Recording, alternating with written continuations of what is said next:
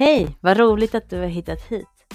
Mitt namn är Jenny Kay och jag driver den här podden Skapa din livsdesign. Här kommer jag intervjua intressanta människor som inspirerar mig, människor mitt i livet och personer som gjort en förändring för att leva det liv som de önskar. Allt för att du ska kunna känna igen dig och få tips och hjälp och skapa just din egen livsdesign. Vi kommer bland annat att prata om tid, energi och pengar i en härlig blandning. Jag hoppas att du vill följa med på poddresan Skapa din livsdesign med mig, Jenny Kay.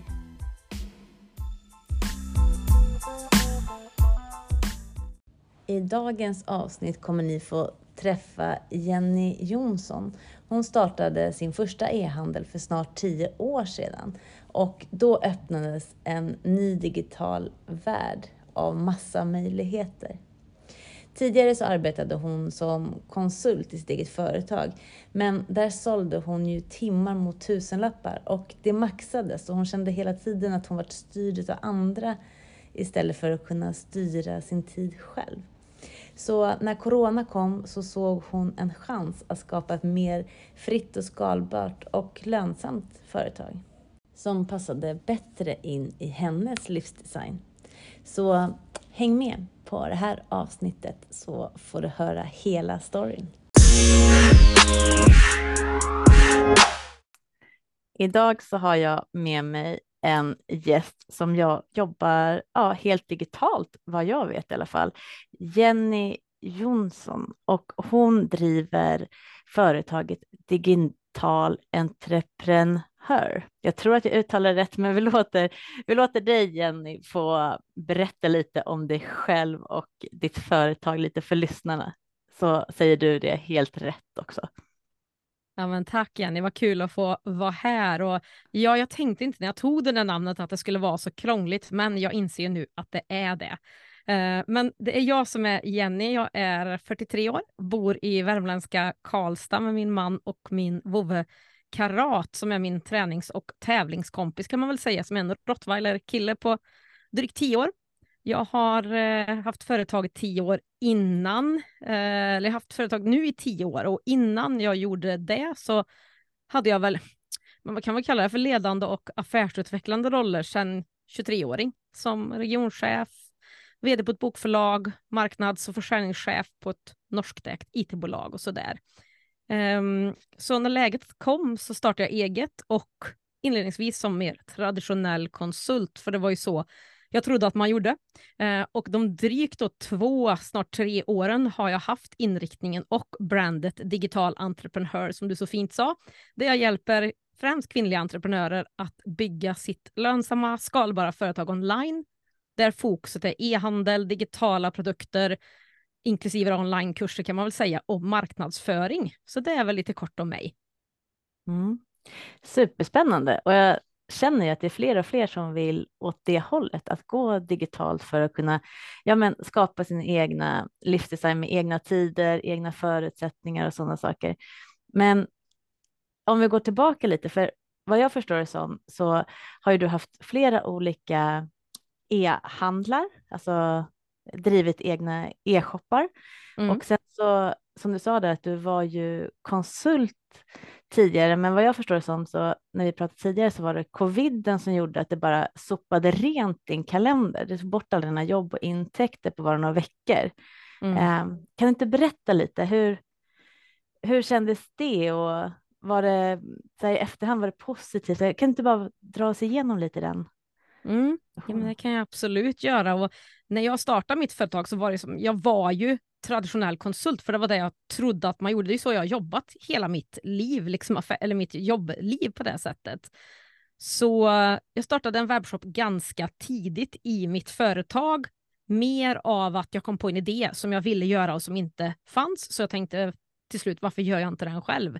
Men det var aldrig så att jag riktigt koppling, jag kände ju att det var det roliga, men det var ändå lite så här på sidan. Även om den webbshoppen till slut sålde för 100 000 i månaden så var det ändå alltid lite på sidan för att det var ju liksom just konsultandet man skulle göra. Det var, det var ju så det funkade, det där jag hade med mig på något sätt. Men mm. jag gjorde mycket stora projekt, stora kommunikationsuppdrag, jag gjorde mycket större evenemang, näringslivsevenemang på olika ställen i Sverige. Och som sagt, det där var ju, jobben var bokade och sen kom ju corona. Och när jag främst då gjorde stora eh, liksom, evenemang med över 500 personer, så covid kom och stängde hela den möjligheten och de jobben bokades ju av ett och ett halvt år framåt på, ja, som du sa, några veckor bara egentligen så förändrades allting. Och det är mm. klart att när det hände, först så blev man ju kallsvettig och tänkte, oh, hur ska jag lösa det här? Och hela världen var ju lite så här, vad händer nu? Hur, hur mycket kommer vi kunna jobba? Eh, hur kommer vi kunna jobba? Hur, det kommer ju bli förändringar framåt. Men jag egentligen har ju sen jag, jag har ju haft jättefina jobb på pappret och det har varit bra jobb och med bra utvecklande jobb för mig och sådär.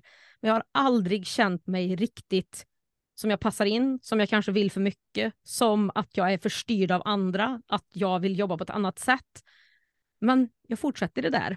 Och när jag kom till det där läget så när coviden kom så bara så här, men Jenny, vad är det du egentligen vill göra? Vad vill du egentligen du ska tänka? Och jag liksom så här satt där, men gud, vad, vad, vad vill jag? Jag vill ju egentligen inte, när jag tänkte efter, inte vara konsult åt andra. Men jag bara fortsatte och fortsatte och fortsatte och jag hade ju bra intäkter på det, absolut. Men det är ju inte det jag ville. Så när jag satte mig ner och funderade på vad jag ville så var det ju det här digitala. Jag har haft webbshoppar, två stycken eh, hade jag då, jag har haft tre nu hittills. Och den mm. delen, med den automatiska skalbara delen där jag inte bytte min tid mot tusenlappar, den lockar ju mig något så enormt.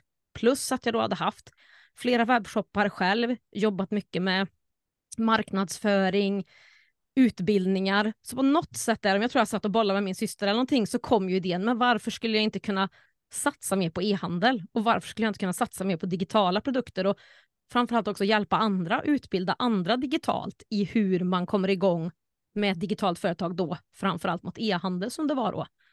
Så även mm. om det var en jobbig sits att sitta i, för det var det såklart, så äh, tror jag, alltså för mig så var det ju bara jättebra egentligen.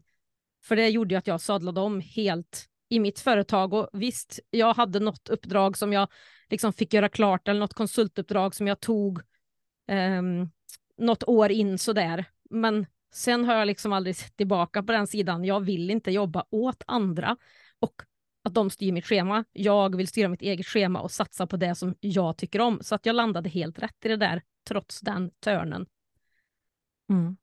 Men hur kommer det sig, för digitalt kan man jobba på så mycket olika sätt. Hur kommer det sig att det var just eh, webbshop du satsade på? Jag tror att jag hade gjort det ett tag där och eh, gillar verkligen liksom eh, flexibiliteten och som jag sa friheten där att jag behöver inte jobba åt andra. Jag säljer saker åt mig själv. Eh, mm. Man skapar liksom en gång och sen låter man det jobba åt sig. Det är inte att jag behöver vara en digital konsult som fortsatt gör timmar för kronor. Eh, mm. Så just skalbarheten och systemen tror jag var för mig det viktiga och det digitala. Så att det var därför det landade där. Sen var e-handel det som jag hade testat på som hade ju, fanns ju absolut när jag började med det, men inte i samma skala som det är nu. Så att mm. på något sätt tog jag den delen jag verkligen tyckte om, den digitala handeln och e-handeln och digitala marknadsföringen och kopplade in det i företaget på ett helt annat sätt. Både genom att göra det själv mer och hjälpa andra. Så det var, det var nog bara det jag såg framför mig som den delen och sen nu på sistone då så har det ju men mitt företag liksom har ju nästan tagits över av onlinekurser och digitala produkter istället. Men fortfarande är det ju handel på nätet vi pratar om. Mm.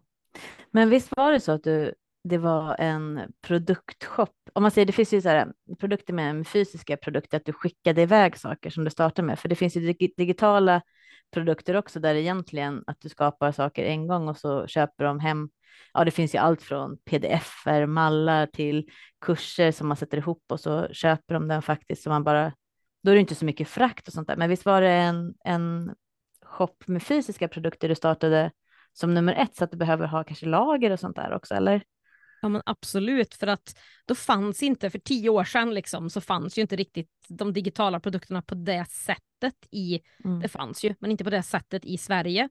Eh, så att ja, absolut. Mitt första var väl att jag hittade liksom ett behov där jag saknade själv och då, den här hunden som nu är tio år då, drygt, Han var ju ganska ny och färsk då och eh, det är ju mm. en tränings och tävlingshund i bruks och lydnad och sånt där. Så att när jag försökte liksom hitta, vi gick på mycket kurser för att vi skulle tävla och det ena och det andra. Och när vi skulle hitta vissa produkter för att lära hunden att gå framåt, rakt fram, skulle man ha ett typ eh, en liten pinne med en plastplupp på och på den där plastpluppen skulle man lägga en godis och den skulle gå liksom rakt emot den var tanken och få en dragkraft. Det var inte så lätt att hitta sådana produkter. Det var inte heller lätt att Alltså den instruktören hade gjort sin egen. Eh, sen så fanns det inte så mycket roliga hundleksaker, roliga produkter som kanske var för mer aktiva, lite starkare, större hundar. Eh, och bara det här mer vanliga tråkiga sortimentet från liksom något stort svenskt varumärke typ som fanns i alla butiker och även på Konsum och Ica. Så att jag kände, men varför kan inte jag sälja det själv till slut? Jag hittar ju inte de här sakerna. Så att det var i det behovet det landade. Då tänkte jag aldrig, ska du inte göra en digital grej istället? Utan då tänkte jag mer, det är så här man gör, typ. Um, mm. Så då var det fysiska produkter som jag några tillverkar vi väl själva i mindre skala, men det absolut mesta var att jag köpte in och sålde vidare och var återförsäljare åt. Så att eh, ja, absolut fysiska produkter, ha ett lager eh, och de här, vad ska man säga, de leverantörerna hade ju inte dropshipping som det kan finnas idag då, där någon annan packar och skickar sina produkter, utan det var ett lager hemma som tog över ett eller två rum till mm. slut. Eh, som byggdes på och byggdes på, som jag sa, sålde för men 100 000 i månaden mer mot slutet när jag kände att oj, hur ska jag göra det här nu då? Och i det läget så hade jag inte heller, det fanns inte så mycket utbildningar som den som jag har idag, där man faktiskt får hjälpen med vad som är viktigt. Hur ska du tänka med frakten? Hur ska du tänka med prissättning, lönsamhet? Utan man tittar ju på de andra och så la man ungefär sig på de priserna. Men det gjorde att jag hade inte grunden rätt i den webbshoppen samtidigt som jag gjorde konsultuppdrag, timmar för tusenlappar bredvid. Så hade jag inte kunskapen tror jag riktigt att trots att jag sålde så mycket så lyckades jag inte tycka att det gav nog bra lönsamhet ihop med fraktlösningar och sånt där som jag vet nu då hur man gör. Så mm. därför så körde jag på med den ett tag, eller två, tre år kanske. Och sen så kände jag bara nej, men det där, det går inte jag vet inte hur man ska göra liksom. Så att, eh, eller jag vet väl, men inte så bra så att jag skulle kunna tävla med konsultgrejerna.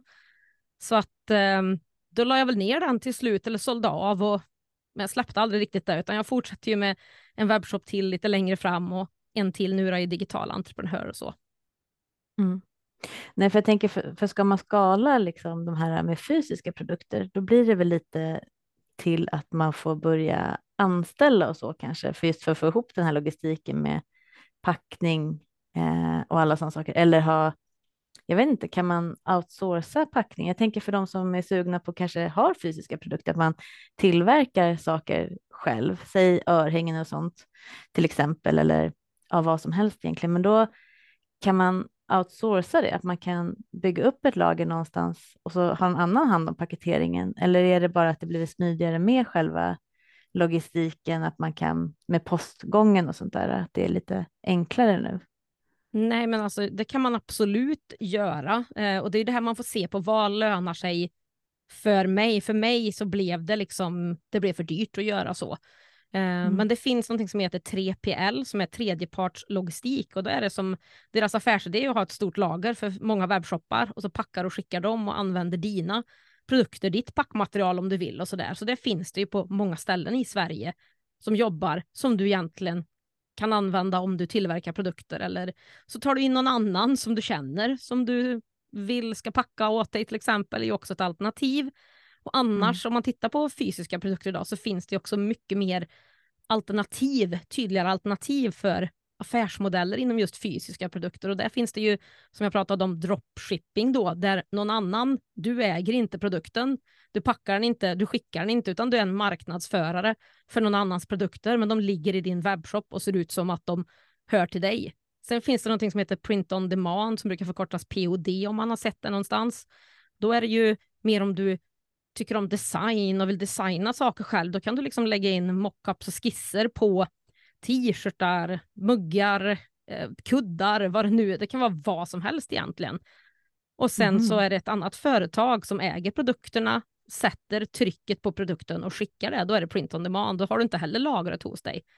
Så det finns olika modeller när man har fysiska produkter. Men det man måste tänka på med dem, det är att det blir svårare och svårare, mer och mer konkurrens på nätet. Frakten blir dyrare, produkterna blir dyrare, ja, liksom allt blir dyrare. Så då behöver man verkligen antingen ha stor skala eller försöka ha produkter med ganska hög marginal. Så det där är någonting man verkligen måste räkna på om det är den modellen man vill ha och vill skala upp. Men om man pratar mm. liksom livsdesign så brukar jag tycka att det är viktigt att man funderar på om man vill in i ett sånt här digitalt företag som är mer skalbart. Och så, vad betyder det för dig då? Om du inte vill packa och skicka och göra de här sakerna, ja, men då måste du ha någon som gör det åt dig. Eller satsa på att sälja digitala produkter eller kanske bara tjänster online. Så att du inte behöver ja, men, vad ska man säga, fastna i packa och skicka eller måste ta hand om webbshops ordrar och sånt där, utan har du en digital produkt så skickar ju webbshoppen det åt dig automatiskt till kundens dator. Så då slipper mm. du ju frakt och fraktavgifter, leveranstider, lager och allt sånt där. Så att bara fundera på vad, vad vill jag? Så att man inte bygger in sig något man inte vill ha sen. Nej, precis, det är väl superviktigt. Men sen kan jag tänka också att det är det inte många som också skapar saker för att de har det kanske som hobby och sen så blir det som ett överfullt lager. För så märker jag att jag springer på. Jag älskar örhängen och eh, jag fastnar lite för de här med, med lera. Eh, mm. Och då är det jättemånga som på så sätt som de har startat, då är det ju att de har gjort, haft det som en hobby. Och sen så blir det så roligt så får de lite, ja men de får för mycket utav det. Så mm. de har ingenstans att göra och då börjar de tänka så här, men det här kanske jag kan sälja. Um, och sen kanske de gör det alltså bara så enkelt som på, över på Instagram eller sånt där. Men är det dyrt att ha en sån här webbshop? Eller är det hyfsat Finns det billiga alternativ att ha en sån, så som du lär ut, att man har e-handel? Är, mm. det, är det kostsamt eller kan vem som helst ha det ifall man bara har det som en, eh, att man kanske arbetar med någonting annat, men man har ett brinn och man kanske vill bli företagare, men man ja, vill testa på lite innan? Ja, men absolut, visst kan man göra det och många som du säger, en del drivs ju av affären, säljet, Eh, liksom det kanske är mer mitt drivande i webbshoppar och sånt där. Absolut, jag fick ett eget behov, jag såg en lucka och sålde de sakerna. Men många som du säger, de gör det bara för att få ett andrum, kreativitet mm. och att det är det och den resan som är viktigare än att leverera och sälja sakerna. Eh, så det är väl någonting man också får vara medveten om och att man liksom kanske har olika ambitionsnivåer också. Som du säger, man har gjort så mycket så nu känner man att nu vill man sälja det för att man har kanske ett stort lager eller något sånt där. Ehm, så det är ju en väg att gå om man då har också kunder som tycker att det är fint och en idealkund och en målgrupp som är villiga att betala för det. För grunden är ju superviktig. Du behöver ju ha en kund som är villig att betala för det du gör ehm, och att du har en lönsam prissättning så att du inte jobbar gratis. Tar det dig tre timmar att göra örhängena, ja, men då kanske du faktiskt inte kan ta betalt för det på det här sättet om du inte bygger något väldigt exklusivt varumärke. Så många mm. som tänker kreativt, jag vill göra det lite vid sidan, glömmer ibland också bort den här lönsamhetsgrunden och sen så tycker man inte att man får betalt för det man gör. Nej, och det får man ju inte eftersom man inte har lagt in det i priset heller. Så det är väl en sån mm. viktig grej. Men absolut, en webbshop är ju för tio år sedan så skulle man kanske vara programmerare mer eller mindre, bygga en webbshop, eh, programmera och allt detta. Och så är det inte längre, utan nu lägger man in en mailadress och sen så är man typ igång och börja lägga in produkter och så där. Så det finns väldigt enkla webbshopsplattformar som är gjorda bara för det här, för att komma igång. Och en sån kan vara allt ifrån några hundra till, ja det kan vara en tusenlapp i månaden också de kostar, men kanske runt 500 någonstans strax under är nog ganska normalt som en hyra för en sån i månaden. Um, och sen så är det en bra plattform så tar de ju inget betalt mer än hyran, de tar inga procent eller något sånt där, så det behöver man inte ha. Sen behöver man koppla på en betallösning som har de betalsätten som kunden vill ha och det brukar man ha liksom en checkout-kassa. Då ligger alla betalsätt hos en betallösning så att kunden bara kan välja och du har bara ett avtal med den betallösningen. Och en bra sån har inga fasta avgifter utan du betalar för den när någon köper, annars kostar det ingenting. Så det mm. är inte så dyrt att liksom komma igång. Visst ska du ha ett stort lager, ska du ha en massa olika saker. Jag tycker också att man ska köpa en domän eller hyra en och det så att man har sitt egen URL när man slår in så man kommer till sin egen. Och det kanske är 150 kronor. Så så, det är inte så dyrt att komma igång. Det är oftast inte där problemet är, för det är ganska enkelt. Problemet är sen när du kommer upp och det har blivit så mycket mer konkurrens som det är idag, så måste du vara duktig på marknadsföring och synas och höras. Annars är det liksom ingen som kommer igenom bruset och hittar dig och dina jättefina örhängen ändå. Så marknadsföringen är ju en viktig del i det också då. Mm. Det är många, många bra bitar, bitar som du säger där, verkligen. Att det ofta kanske man letar ihjäl sig just för att hitta, hitta rätt lösning och så kanske det blir ja, men mer jobb ifall att man är att man ska ta emot beställningar via mail eller via Instagram eller så som mm. många kanske börjar. Men sen också som du säger att man måste räkna på alltså skal, skalbarheten, att du måste verkligen kunna ta betalt, för det ser man ju också mycket att det är så otroligt. Det spelar ingen roll ifall att man köper tavlor eller ifall du köper örhängen eller andra kreativa saker. De som precis har startat, de vågar ju inte riktigt ta betalt heller för det det kostar. Och sen såklart, det får man måla någonting och man kan trycka upp på print, då kan du få väldigt många eh, mycket betalt för de timmarna du har lagt ner för att sälja säljer flera såklart. Mm. Men hur, hur, hur startar, du har ju den här kursen om eh, att starta din egen e-handel. Mm. Och vad är det för bitar där? Du sa marknadsföring är viktigt och sen teknisk. Vad är det för bitar man får lära sig, lära sig där? Man har sin produktidé. Mm. Ja, men absolut. Och, ja, och det först, eh, det allra första, så vill, jag tycker att många gör fel, startar e-handel på fel sätt ska jag väl säga. Eh, och jag tycker också att en del som lär ut det gör det på fel sätt. För googlar man på starta e-handel så kommer det bara upp teknikplattformar och det är det vi också kommer in i. Hur gör man? Hur startar man? För det är ofta det vi inte vet. Tekniken mm. känns som en liten, liten barriär. Av tio moduler eller vad det är i den kursen så är tekniken då på nionde plats i den ordningen, för det är inte viktigt. Det finns så mycket bra plattformar där ute som kan göra de här sakerna. Så börja enkelt, välj någonting och när du ser vad som funkar, vad som är bra, ja, men då kan du skala upp om du behöver något värre, men det behöver du nästan aldrig. Så det det börjar med är ju att se till att ja, men du har en idé. Men då behöver du kolla att den är lönsam. Du behöver se att det finns ett behov hos kunder för den, så att hela den biten med prissättning och hur man gör det kommer ju först då att verifiera med kunden att det är någon som vill köpa det. Och sen mm. direkt efter det då, som de flesta som jag sa, de startar upp webbshoppen och sen så bygger de och bygger och bygger, lägger in alla produkter och sen öppnar de dörrarna, tada! Och så tänker man att nu vet ju hela världen om det. ja. Problemet är att det vet ju inte hela världen, för man har inte sagt någonting. Så nummer två steget då, efter att ha koll på grunden, den lönsamma grunden, det blir ju marknadsföring. Eh, så då brukar jag jobba med en förlansering, så att man börjar prata om produkterna, vad det nu är man ska sälja, digital eller fysisk eller en mix av det här, så fort man vet egentligen. Då går man ut och börjar prata om varför, vad är det här för bra, så att man liksom bygger upp en lanseringsklar publik när man väl är igång sen.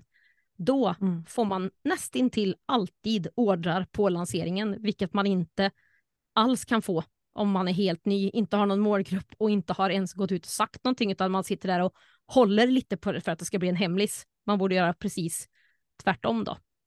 Mm. Um, så det är marknadsföring och sen är det ju såklart att välja frakt, om det är där man jobbar med leveranstider, hur man gör det här på ett effektivt sätt, vart man hittar packmaterial, lagar regler, vad som gäller när vi är liksom utanför affärslokaler, vad är, säger lagarna och reglerna. Um, så mycket sådana saker och sen, ja, som sagt, bygga webbshoppen, bilder, texter, allt det här och sen lanseringen med att verkligen kontrollera att allt funkar, att den är som den ska, webbshoppen, att den är byggd på ett smart och konverterande sätt. För det är inte bara att smälla upp en webbshop på ren värmländska och liksom tänka att nu lägger jag in lite grejer och så löser allting sig, utan en webbshop är uppbyggd på ett sätt som gör att startsidan, eller en bra webbshop ska vara det i alla fall, startsidan ska liksom få folk stanna, titta och direkt man landar där så ska man se, om det här var för mig och vad är det för något kul man säljer. Så liksom startsidan är att fånga upp och sen är dens funktionalitet kan man säga att guida vidare ut på en produktsida. För det är ju där kunden kan läsa om produkterna. Och på produktsidan så ska de ju aldrig behöva gå därifrån, för där ska de kunna bara titta på bilderna, se att de har förstått hur allt ser ut, eh, läsa texten, inte ha ytterligare frågor, utan produktsidans funktion är ju att få dem att se köpknappen, trycka på den, Sen kommer de till kassan, får lite erbjudanden till längs vägen kanske och frågar är du intresserad av något mer? Du kanske gillar det här. Och sen i kassan så ska det bara vara en smidig upplevelse utan problem så att de genomför köpet. För vi som konsumenter idag, vi vill inte ha krångel. Det får inte gå för sakta, det får inte vara för svårt. Det får inte dyka upp någon oväntad frakt på 79 kronor i kassan. För då liksom blir man så här, nej men det har jag inte sett någonstans. Och så går man därifrån. Så en smidig, bra upplevelse, det är också en del i liksom webbshopsbyggandet. Och sen lansera det med någon slags oh, lanseringserbjudande eller kampanj. Bara att man kör någonting där och sen så är man igång och förhoppningsvis kan börja packa och skicka. Mm. Ja, så det, det är ändå många steg som man, man behöver tänka på. Hur, hur ser du på med eh, om man har tänkt sig Eh, en ehm, produkt? Är det, ser du det mycket? För jag kan se det mycket när jag pratar med, med företagare, att de kanske har sitt erbjudande klart för sig, men inte riktigt vem den riktar sig till, vilket gör att det blir svårt att nå ut i, i marknadsföringen som du pratar om, för att eftersom att man är så bred i sin kommunikation så är det ingen riktigt som tar till sig eh, mot ifall att man har lite storytelling och kanske riktar in sig till jag vet inte, de, de ska ut och festa, att det är de man säljer öringarna till, eller ifall att det är mammorna med småbarn som kanske inte kan ha jättehängande örhängen för då rycker barnen. Alltså förstår du hur jag menar? Att, mm. eh, hur viktig är den processen tycker du från början för att, för att hamna rätt? Den är ju jätteviktig. Det är därför den ihop med, alltså bara tänka på sin produkt och ja, men liksom, det är mycket smartare rent allmänt att ha en produkt som går in i vissa mått, som är lättare, inte går i sönder. Eh, det är mycket smidigare att skicka en sån och mycket billigare. Men när man kommer in med den här, jag har världens bästa idé och alla kommer gilla den här. Det är den, mm. jag gillar ju den liksom, entusiasmen över sin idé. Men det är den man måste verkligen dubbelkolla mot målgruppen. Jag tycker det är typ en av de viktigaste stegen. Och när man har gjort det, precis som du säger, alltså man kan ju få ett så himla annorlunda tryck i sin marknadsföring. När jag blev tydlig på min ideala kund och liksom verkligen försöker prata med den och trycka mig igenom allt annat. När man scrollar på Instagram, det är liksom samma saker. Men när det kommer någonting som fångar mig, det är då, det är det man vill ha. Och det kan man inte få om man blir för bred, för då, då går man förbi alla. Då är det ingen som liksom så fastnar direkt. Och det är klart, om jag ska köpa en inte vet jag, ansiktskräm och så finns det en som heter ansiktskräm och sen finns det en som heter ansiktskräm för kvinnor över 40 som är torra i ansiktet. Liksom. Då har man ju fångat mig, för där är ju jag. Mm. Så vem skulle jag välja då? Ansiktskräm, punkt. Ansiktskräm för kvinnor över 40 som är torra i ansiktet. Inte så svårt val med att jag skulle ta den sista där då. Så det är den man måste klara av att liksom hitta nischen i eller tydligheten i. För annars är det svårt att slå sig igenom bland alla andra ansiktskrämer eller alla andra brands som säljer sådana typer av produkter. Så jätteviktigt tycker jag och att göra det direkt och att se Lönar det sig? Finns det? Är det där ens ett problem för kunden eller var det någonting som du tyckte var kul för att du var den här kreativa själen som ville skapa? Um, mm. Så den känns superviktig och verkligen se, går det att få lönsamhet i det här? Många drivs av och vill göra vissa saker och tänker bara, ja men det är bara, jag köper en produkt eh, och sen så säljer jag den vidare och så lägger jag på lite. Eller faktiskt, liksom, du har köpt in produkten för en summa, det är den lilla grejen. Sen har du kanske fraktat den från något ställe. Det ska du också lägga in i produktens kostnad. Du har kanske ibland importerat den. Då kanske det finns eh, tullavgifter som du behöver lägga på. Sen så kanske du packar och skickar eller tillverkar eller gör någonting med det här. Då är det den tiden också som ska in i det här. Eh, mm. Och sen då om man inte har betalt för, många vill ju ha gratis frakt. Men fraktbolagen, det är inte så att Postnord inte tar betalt av dig. Eh, eller att packmaterialet kostar. Så om man nu ser bara produktens kostnad som jag köpte den för 20 kronor så det är lugnt. Så ser man allt annat som ska läggas på. Det är då man inser att man måste ha tänkt på det där och lagt på marginalen för att faktiskt kunna få vinst, kunna få ut lön. För annars kommer man aldrig kunna skala upp ett sådant företag, utan det blir mer åt hållet som min första webbshop, att till slut blir det inte värt det. Liksom. Mm. Nej, nej, det är det verkligen. Och ifall att man startar en webbshop, då är det säkerligen kanske för att man vill ha lite friare tid och få mer tid över till annat, för annars kanske man skulle ha en fysisk butik, för där är man ju mera, mera låst eh, med sina tider. Men där är det kanske att folk går in och förbi. Så där får du lite mera marknadsföring bara automatiskt på att det ligger på rätt plats och går ju ändå folk förbi och de kanske tittar in. Det får man ju inte i en webbshop, men jag kan tänka mig att du stöter på ganska många just som inte har det här klart för sig och istället får jobba otroligt mycket mera än vad en butiks öppettider är för att försöka få ihop det med packning, med att du ska lägga upp saker på webbshoppen om man inte har en tydlig strategi. Mm. Um, är det någonting du lär ut också, hur, alltså, vad man ska tänka på, kanske förhållningssätt och olika typer av ramar och sådana saker?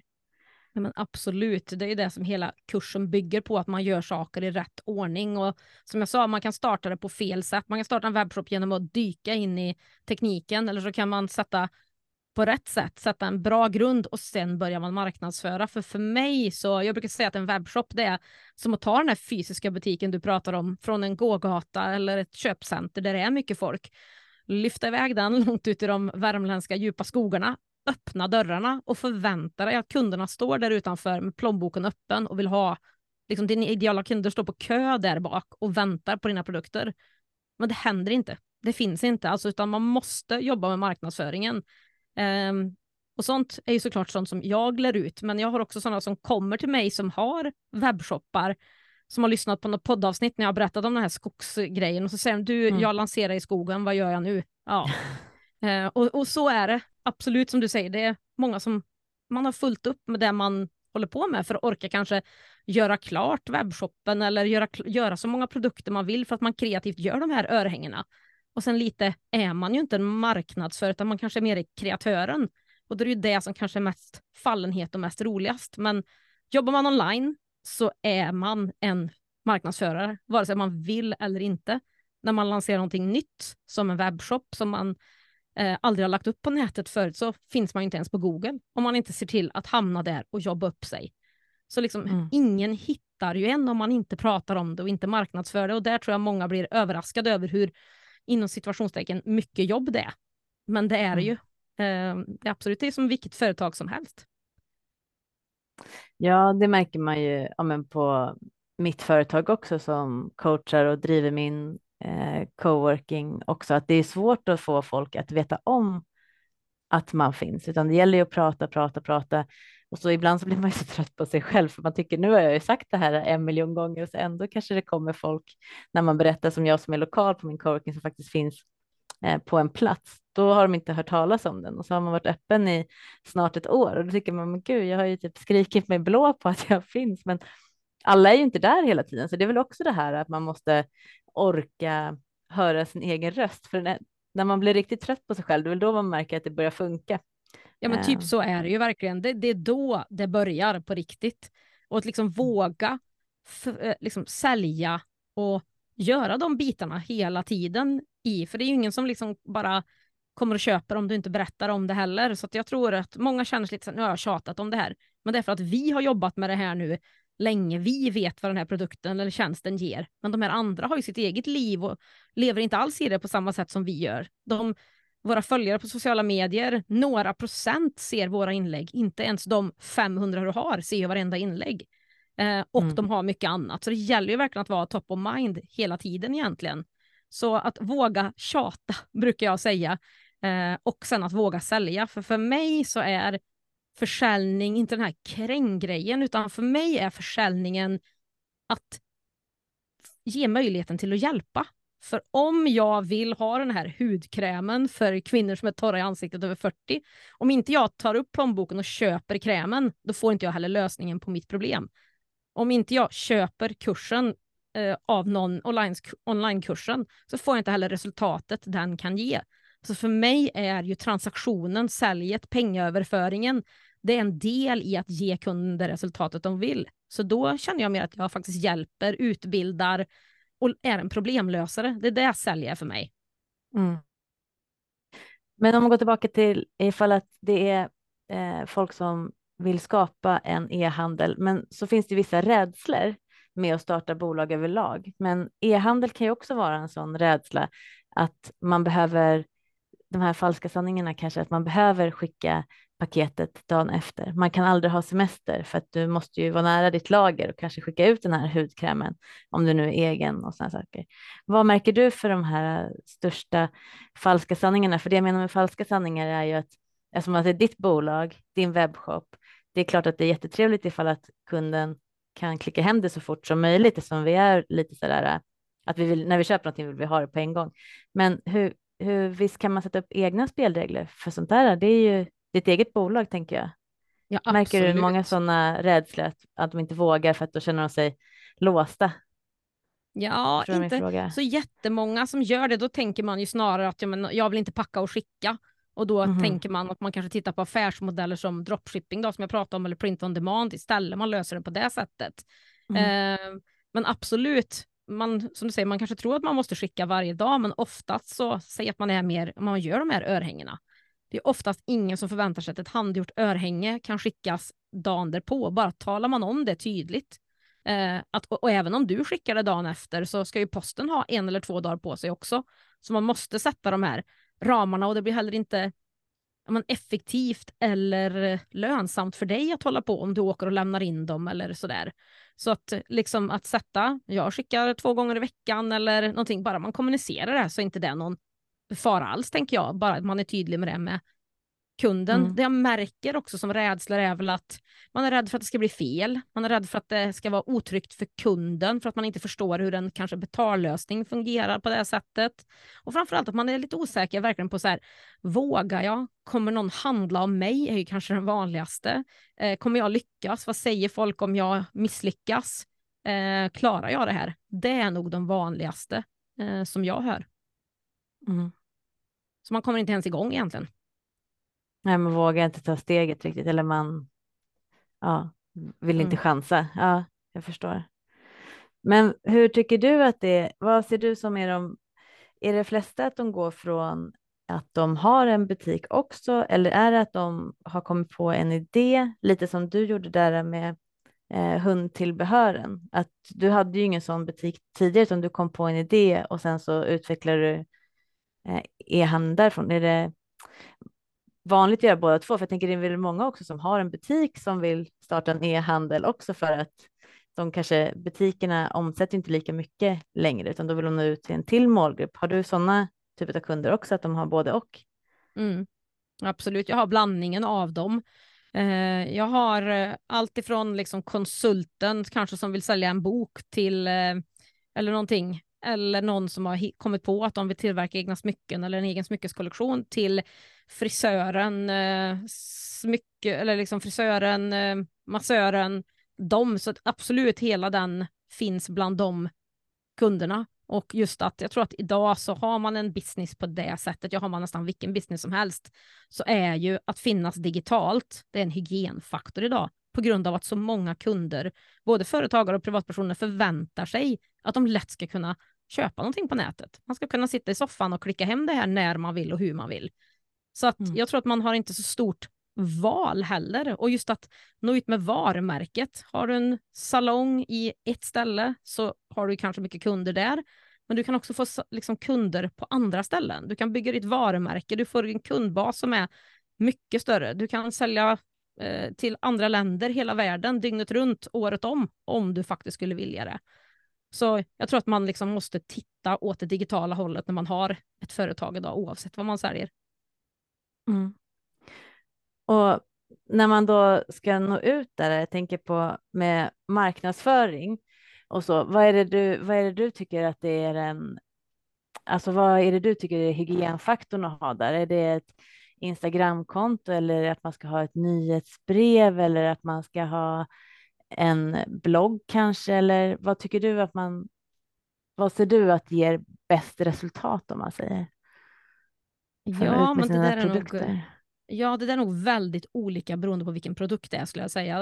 Eh, men absolut, de flesta har ju sociala medier på ett eller annat sätt. Så är det ju Instagram eller TikTok eller både och eller Facebook eller någonting. Så det tror jag nog att man har nog svårt att vara utan det i dagens läge. Sen så är ju e-post det är ju den största försäljningsdelen eh, i min verksamhet och där tycker jag att många som jobbar med e-handel ska bli ännu bättre på det. Eh, det finns ju, ja nyhetsbrev är ju en sak, men för e-handel finns det så mycket mer automatiseringar att sätta bakom i e-postmarknadsföring. För vi på en webbshopsplattform så kan man ju spåra om kunden har lagt något i varukorgen, börjat checka ut, men inte har köpt någonting. Då kan man ha ett, en trigger i ett mejlsystem som skickar ut som säger du, du glömde någonting eller en del erbjuder rabattkuponger, någonting som liksom bara pockar och eh, påminner om att du har glömt något. Så, alltså nästan, finns siffror som visar att ungefär 70 procent, upp till 70 procent gör så och lämnar sin varukorg i kassan. Och nästan mm. hälften av dem kan man återfå som kunder om man gör på det sättet. Sen är det ju bara så här som även är i våra världar där vi har digitala kurser och så där också, att man kan ladda ner en freebie eh, och få kundens e-postadress. Då vill man ju ha någon automatisk slinga som eh, levererar den. Eller i webbshoppar är det ofta du får 15 procent på första orden typ eller någonting sånt där och så får man mm. adressen in där. Där är det ju inte bara ett mejl man automatiskt vill skicka ut, det vill man ju ha en hel slinga som berättar en massa olika saker som kanske påminner dem, kanske ger dem någon rabatt, kanske ber dem att rekommendera till en vän eller någonting sånt där. Sen kan man också se, du den här en kund har handlat eh, och man sätter någon slags gräns att efter tre månader så går det ut ett automatiskt mejl som säger någonting i stil med vi saknar dig. Eh, som man säkert har fått av några bolag någon gång. Eh, det finns är de här mejlen automatiserade som du sa? Dels, ja. dels ifall att de lämnar varukorgen och sen dels ifall att de köper någonting. Är det e-mailsystemet liksom i den plattformen? Den Nej, du... det är den inte. Nej, man får koppla Nej. på den på. Ja, och det som är så krångligt är att man måste ha en. Det finns så många olika e-handelsplattformar och ingen av dem har ju en egentligen nog bra e-post i. De flesta har ju inte ens e-post i sina system. Så mm. du måste ha en e-postplattform då som är så bra, in, liksom byggd ihop med den där, en så bra koppling emellan. Och sen är det då olika e-handelsplattformar, olika e-postverktyg då som passar mm, olika bra för varann. Men får man den här bra matchen och det får man ju se när man eh, tar en webbshopsplattform, vilket e-postsystem rekommenderar de? Har de de här möjligheterna? För då är ju liksom, får man den integrationen bra, då är ju de automatiska möjligheterna enorma. Då ser man ju mm. exakt vad den på mejllistan har köpt och vilka grejer är det. Då kan man sätta automatiska slingor om man vill på den som verkar ha köpt den där produkten, de, efter tre dagar får den också en slinga på de här produkterna, för de passar väldigt bra ihop. Och då kan man bygga mycket, mycket mer. Nyhetsbrev är en sak, men det där är en jättedel bakom som man behöver jobba mer med som e-handlare. Mm. Det ser man ju ganska mycket på de stora, stora märkena. Um, men då har ju de en hel entourage med, med personal såklart bakom, men man skulle kunna göra det fast i mindre, mindre skala ju såklart. Mm. Och det tror jag är jättebra, för det vet man ju själv när man har köpt någonting så får man ett mejl lite senare som du säger. Då är man ju lite sugen på att köpa igen. Då blir man i alla fall påmind. För det är väl det hela tiden som också är att man vill bli påmind om att den, alltså man vill ju påminna att man finns till de personerna som redan har varit där. För det lättaste är egentligen att sälja saker till de som redan har köpt, för de känner mm. ju en och, och så. Och ändå lägger vi tiden på nya kunder hela tiden. När vi, ska, ja. vi vill tjäna mer pengar, då är det bara nya kunder. Men hur ofta, ärligt talat, satsar man på och skickar ut och bearbetar de kunderna som redan har handlat en, två, tre gånger? Hur många mm. behandlar de som sina vippar? Vi erbjuder rabatt för nya kunder, men hur ofta ger vi rabatter om vi i sådana fall då ska ge det? Ger vi inte det till de som har handlat i sådana fall? Varför ger vi inte mm. dem förtur till reor eller kampanjer eller gör något speciellt för dem? Så mm. där kan det bli lite fel i tanken ibland. Men jag vet ju, man måste alltid jobba med nykundsbearbetning. Men man får inte glömma de man redan har, för de som du säger är ju enklast att sälja till. Ja, verkligen. Och en sak som jag sprang på här för inte så länge sedan, det var ju att det finns ju de som gör batchar. Det tror jag säkert att du lär ut också för olika typer av kampanjer. Jag kan tänka mig att det är som Black Friday och alla hjärtans dag och julkampanj och sommarkampanj och sånt det finns ju olika typer av kampanjer, men det är också vissa säljer ju, släpper ju batchar, i alla fall de som är, gör eh, saker själv. Att nu kommer en ny lansering och så har man bara x antal utav den produkten. Mm. Det kan vara att man har gjort några prints på en tavla, att det kanske bara finns 25 stycken eller man har gjort örhängen och det finns bara x antal i den här färgen och sen mm. så att man inte gör något mer. det borde också vara en sak som kan alltså, verkligen pusha in folk och gå in på hemsidan igen och sen förhoppningsvis kanske man eh, eller webbshoppen och förhoppningsvis köper man kanske lite flera saker. Man vill väl att det ska vara som att när folk går in på Ikea, att man ska egentligen inte ha någonting, men när man går ut där så har man köpt massa saker. Så Ja, kan vara bra att ha precis. ändå. Ja, men precis, och det enklaste, en av dem, alltså man behöver, en kampanj är just precis som du säger, det behöver inte vara 20% rabatt eller två för en, inte, det är inte det det är för mig, utan den, alltså, som, som många fler gör, och även de större webbshopparna, det är att de tar in fler nysläpp som du säger, att man kanske, man väntar inte med att bara, eller man smyger inte bara in, nu har jag beställt lite nya produkter och lägger in dem i webbshoppen, utan man bygger upp lite grann som för en lansering. Det behöver inte vara något Mm. häftigt. Du har köpt nya produkter till webbshoppen eller som du säger tillverkat en ny batch med någonting. Mm. Och istället för att ha rabatt eller att nu säljs de bara en viss tid så kan du ju lika gärna ha eh, liksom, tidsstyrningen att när de är slut så är de slut. Det är bara ett sätt att skynda på kunden egentligen eh, och kanske ha ett begränsat antal av dem. Du kanske inte vill sälja så många eller göra så många.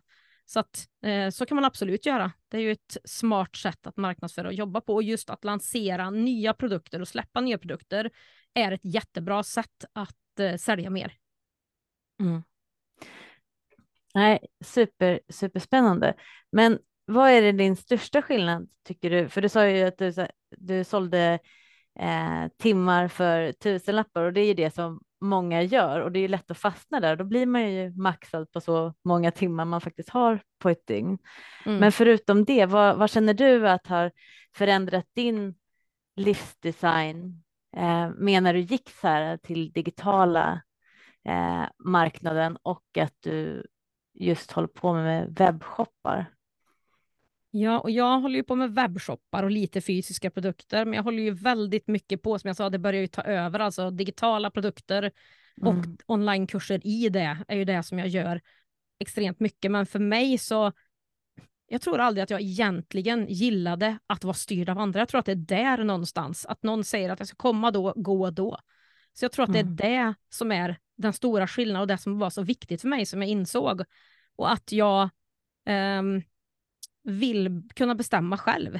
Eh, jag vill ha ett fritt företag där allt inte bygger på timmen för tusenlappen. Och det är där det digitala är för mig. Det ger mig också en helt annan räckvidd. Jag kan ju hjälpa många, många fler. Jag kan ha större målgrupper. Jag kan hjälpa någon i den ena delen av Sverige till den andra delen av Sverige eller någon annan land om jag vill. Och det är Mm. samma sak för mig när jag har en onlinekurs. Eh, det går också liksom att sätta upp de här sakerna, en webbshop, en onlinekurs, digitala produkter en gång. Och man behöver inte vara där på det sättet och stå och sälja och prata, utan försäljningen sker ändå genom att automatiseringen av texter, bilder, säljsidor, betallösningar, kvitton, leveranser, allt finns där. Mhm. Så det var väl liksom, det var därför det blev, blev mer digitalt egentligen. Skalbarheten, inte uppbyggd på mig, inte vara styrd av andra, kunna jobba åt mig själv och inte åt andra. Där tror jag det hamnar för mig. Mm. Nej, jag, jag håller med dig faktiskt jättemycket. Jag funderade på när vi, när jag tog, vi tog kontakt med varandra här äh, och skulle ha den här intervjun så tänkte jag på, men jag har ingen webbshop än. Men jag har ju mina kurser och de säljer jag ju på hemsidan och via en portal. Så rent krasst så kanske det räknas som en, en webbshop för de handlar ju det på webben. Ehm, Ja, det gör det ju. fysiska- att gör det är några ju. E-handel är egentligen sälja fysi- alltså tjänster eller produkter på nätet. Och det är här jag tror många tänker webbshop, det är bara en fysisk produkt. Det är det vi har pratat Mm. om också. Men för mig så är e-handeln det, det digitala skyltfönstret utåt. Sen är en webbshop är oftast bäst på fysiska produkter eller digitala produkter som pdf och sånt som den levererar ut fort. Det tycker jag en webbshop är jättebra på. Ska man ha större onlinekurser så har ju inte de oftast kursplattformen bakom och då finns kursplattformen har ofta då säljsidor så då kanske den plattformen är bättre. Men för Mm. mig så är allting vad är bäst för dig, eh, din kund, om man är företagare redan och vill titta mer digitalt och sådär. Är, vart, börjar, vart står din ideala kund i början av sin resa? Vart är de nu och vart vill de? På den tidslinjen finns det ju en massa problem och saker som de behöver lösa.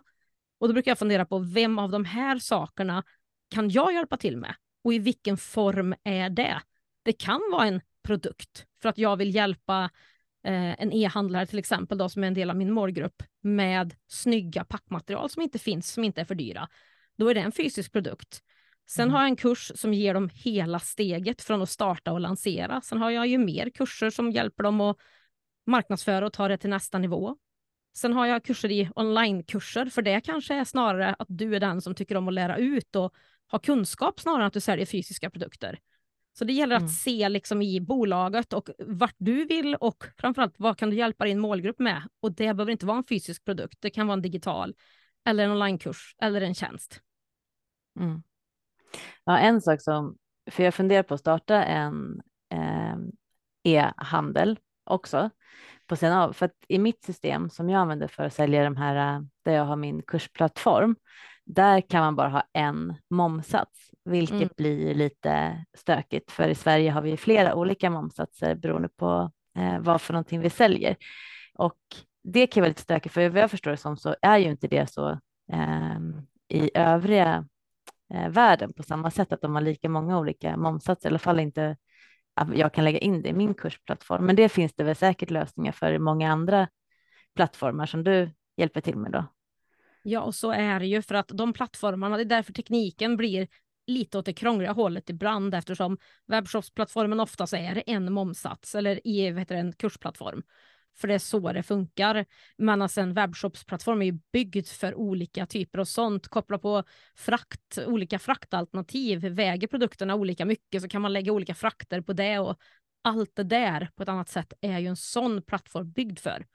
Mm. Um, så ja, det är ju flexiblare. Uh, det är det ju. Men det här tycker jag återigen så här.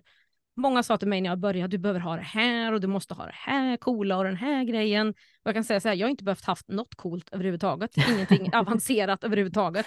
Jag har haft samma hyrplattform till alla webbshoppar, eh, i stort sett samma betallösningar. Alltså det är inte ett måste att ha alla de här fräna grejerna, utan ta det som passar dig, lagom nivå, börja smått, skala upp när du vet vad du vill ha. Så säljer man på med samma liksom, momssats så kanske en sån plattform räcker till allting. Och annars kanske man får se, behöver jag ha en webbshop eller behöver jag ha någon annan lösning då för de grejerna? Mm. Ja, annars får man väl se som alternativ också att man får betala mera, mera moms. Då får man mindre vinst då i så fall om man betalar mer moms i så fall. Ja. Eh, det är ingenting som Skatteverket kommer och säger ajabaja till ifall man tar för mycket eh, moms i alla fall. Det är bara man själv som förlorar på det kanske.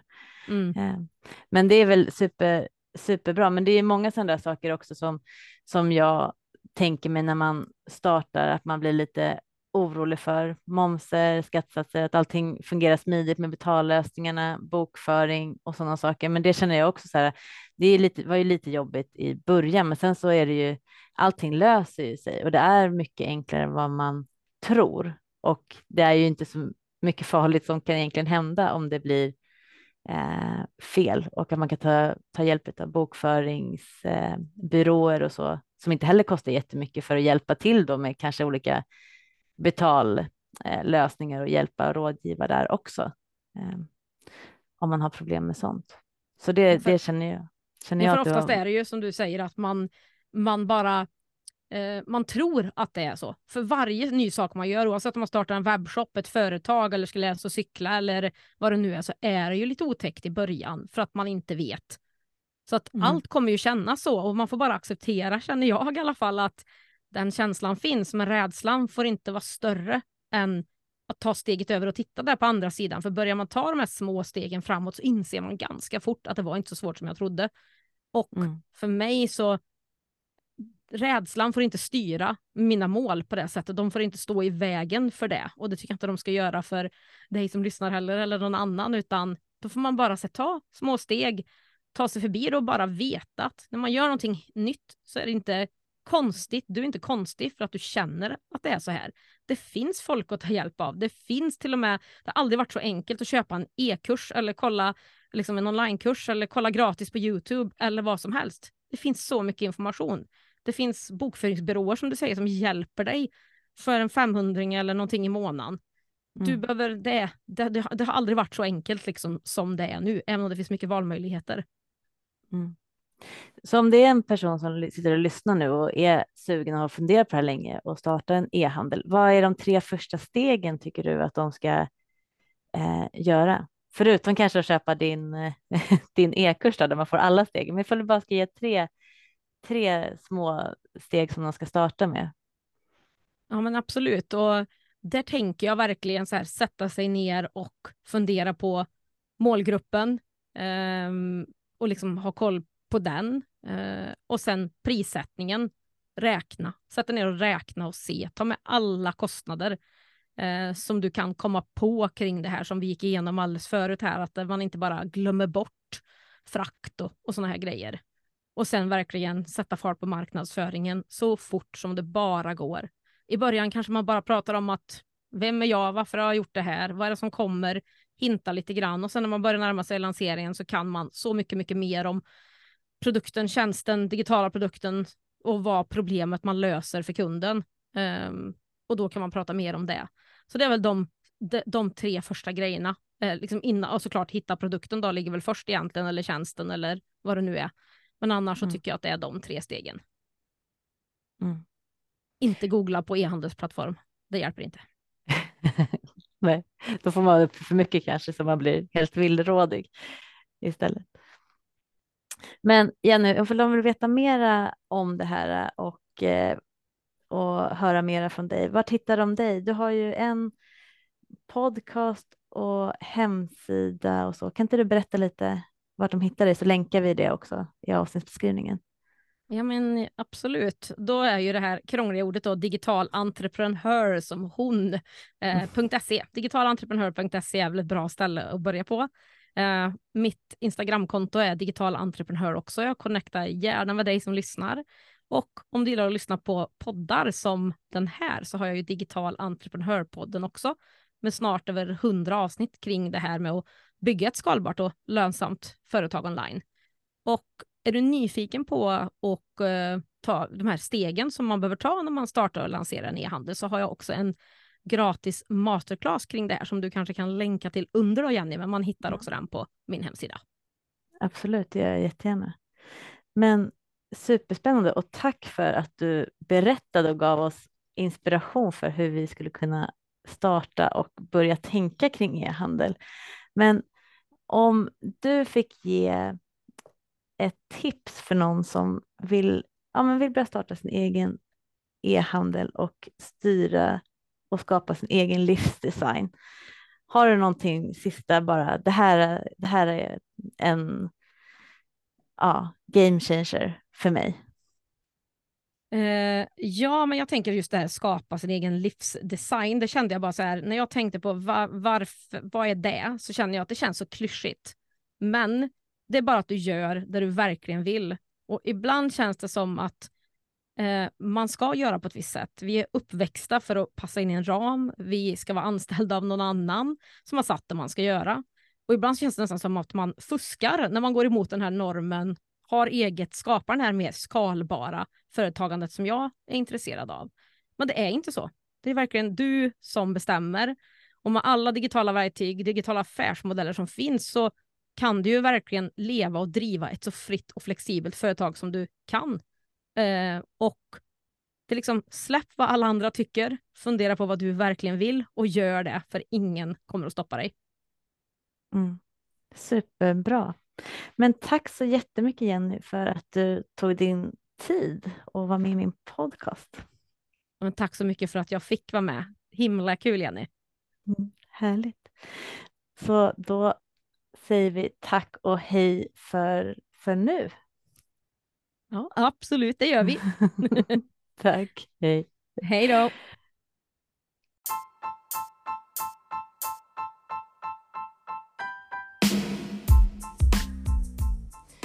Jag hoppas att ni tyckte om det här avsnittet och fick många aha-upplevelser från Jenny. Och det är så roligt att få höra om andras livshistorier och företagsresor och varför man faktiskt arbetar med det man gör och varför det man vill och drivs av att hjälpa andra att också ta det steget. Som i det här fallet att skapa sin egen e-handel för att få friare ja, men tid och liv Eh, och slippa byta de här eh, timmarna mot tusenlapparna helt enkelt. Och det är ju som sagt var enklare sätt att skala upp om man har en e-handel. Och ja, jag tyckte det var superspännande. För mig gav det väldigt mycket och jag är på gång att starta min egen e-handel.